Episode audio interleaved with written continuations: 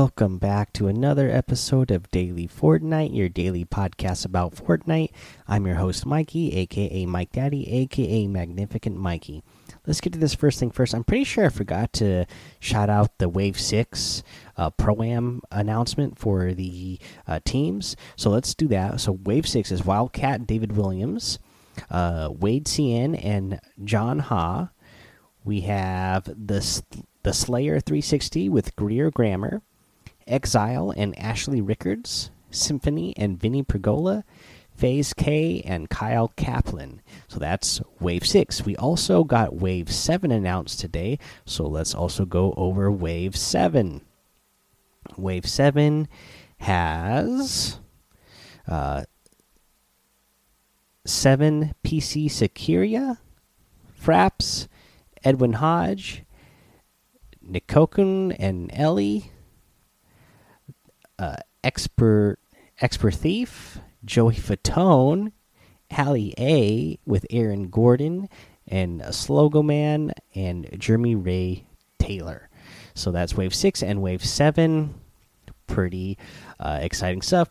The World Cup is just two days away now. I'm also going to mention here that in the game we have uh, the Wild West Squads is the LTM that we got going on. But I just mentioned World Cup being two days away, so let's talk about World Cup.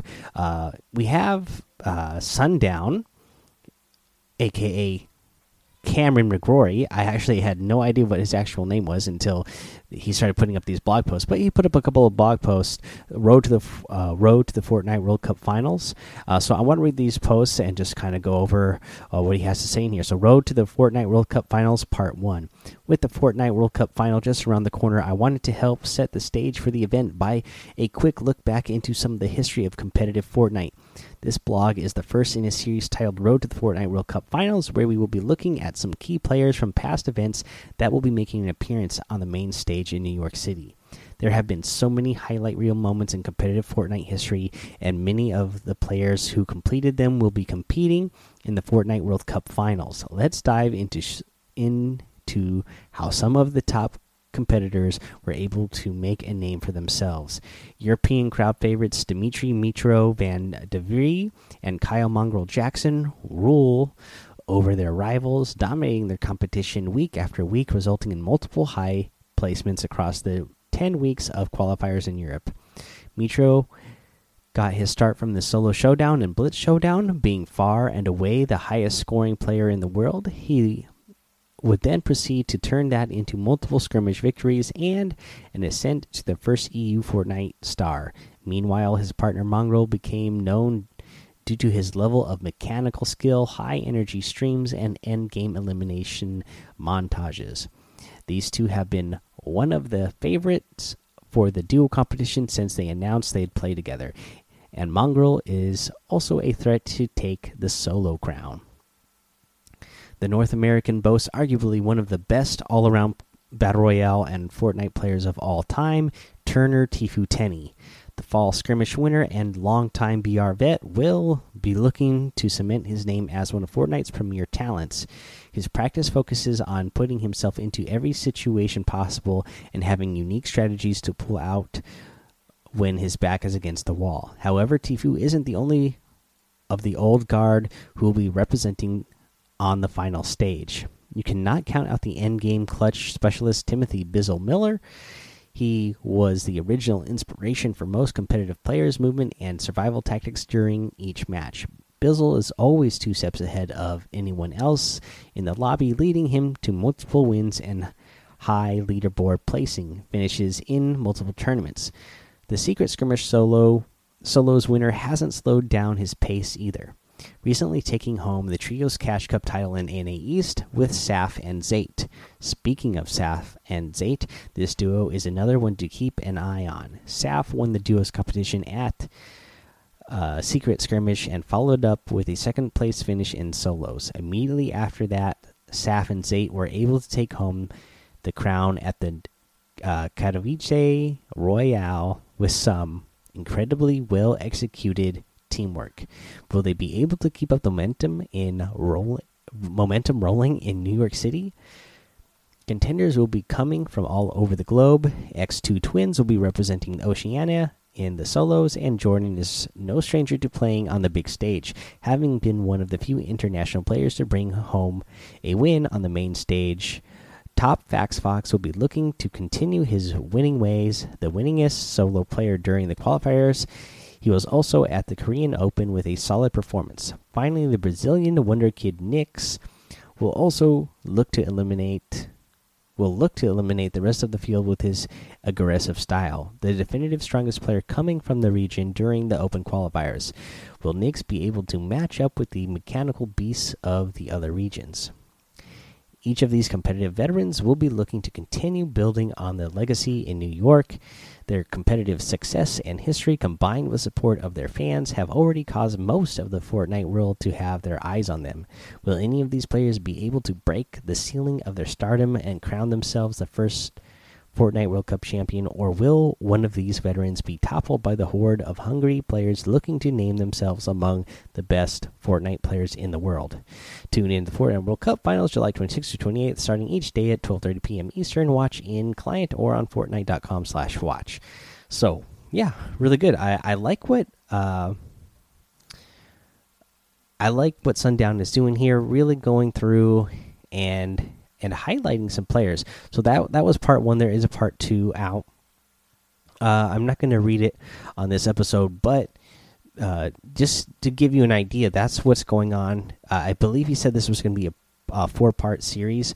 I don't know if I'm going to read all of them on here. I kind of feel like it's a good reading. It's uh, something for you guys to look up and go read yourselves uh, as well, just because it's really good reading. And I, I like that he's uh, highlighting some of the again some of the other players, and you know uh, the second the second one kind of mentions some uh, you know with when he mentions as being dark horses. So you know some of the lesser known players are mentioned as well in the in the second part. So I think it's really good. Uh, I'm a big fan of Sundown ever since uh, you know he started making his debut on the Fortnite stage. I had no clue who he was actually, and I've seen him progress as a, a voice in the Fortnite community and just as a, a shoutcaster and a creator like this overall. So I've become I've become a big fan of him because he's always got a really positive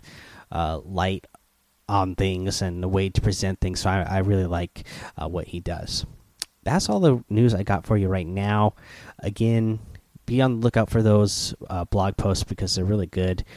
Um, I'll remind you here that we are in overtime right now, so you know, don't forget be doing those challenges, getting those Fortbytes, and doing those overtime challenges as well. Uh, we're gonna take a little break here. We'll come back. We'll go over the item shop and a tip of the day as well. All right, let's go over this item shop. Today we still have the Mika outfit in the item shop. Again, I'm really a big fan of this one. We got the Cryptic outfit back in the item shop. This is a good one as well. I gotta love that spectral spine back bling that it comes with. The Enigma wrap. We also have the lace outfit. Again, this is another one that I love the back bling that comes with that Stitches back bling. The Paradox outfit, the Vision harvesting tool, and the Equilibrium glider. In the daily items, we have the Arctic Assassin outfit, the Savor the W emote, the Birdie outfit, the Bouncer emote, the Driver harvesting tool, and the Squared wrap. I really like the way this Squared wrap uh, looks kind of uh, the the graphic kind of washes over the the item and then it washes off. I kind of like the way that looks. If you guys are going to get any of these items in the item shop, I'd really appreciate it if you use that creator code Mike Daddy M M M I K E D A D D Y in the item shop as it does help support the show. Now, let's get into our tip of the day, and we are going to provide you a tip with that new Storm Scout Sniper, the new item that was added yesterday. Now, uh, for this, I mean, pretty self explanatory. If you have it, just use it to your advantage.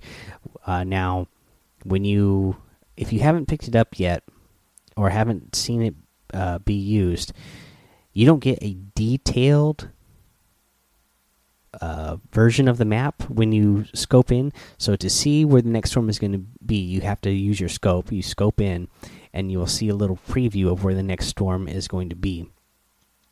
Uh, again, it's not going to be an exact map. It's just kind of an outline, and then when the circles start getting smaller, it just kind of shows you the basic gen uh, general direction that it's going to be in in relation to this uh, the circle that you are at currently. Now, this thing actually hits pretty hard and it can shoot pretty quick. So, what I would suggest doing is taking advantage of it, moving to that next circle as soon as you know where it's going to be, because you're going to have an advantage of anybody else who doesn't have it. Uh, you're going to know where to be. You can set up somewhere right along the edge and gatekeep anybody who's trying to come in. And again, I mean, hopefully you have some other good weapons in your loadout, but anybody who's at a distance who's trying to make their way in this new scout sniper hits pretty hard especially if you are you know if you're landing them headshots uh, you are eliminating people. So you know take advantage of this. Rotate as early as possible with this thing. Set yourself up you know get to the edge somewhere. Uh, build yourself up. And you know build yourself a nice little base that you can uh, you know use use your cones to uh, peek out see where the enemies are and then you know edit one open when you see some enemies coming and start uh, taking those shots and getting those guys eliminated. All right guys that is the episode for today. So go join the daily fortnite discord. Follow me over on twitch and youtube mike daddy in both of those places head over to Apple Podcasts, leave a five star rating and a written review for a shout out on the show.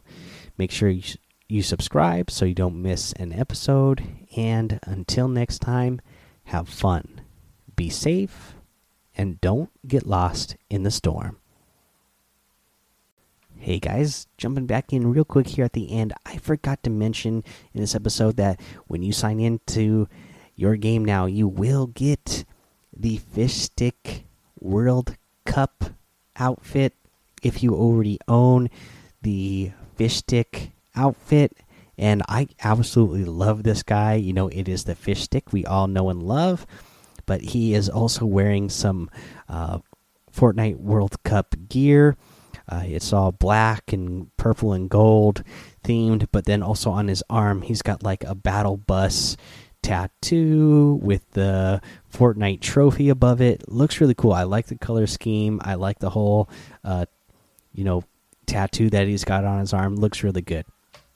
I just wanted to jump back in here uh, because I wanted to mention that because I forgot to mention it during the episode. But yeah, that is a really cool uh, item that you know if you buy fish stick when it comes out here in the next couple of days, uh, they did say it would release again uh, then you will get this version as well. But if you already own it, when you sign in, if you haven't signed in yet, you should unlock the World Cup style. So, really cool. All right, guys, that is the episode now. So, have fun, be safe, and don't get lost in the storm.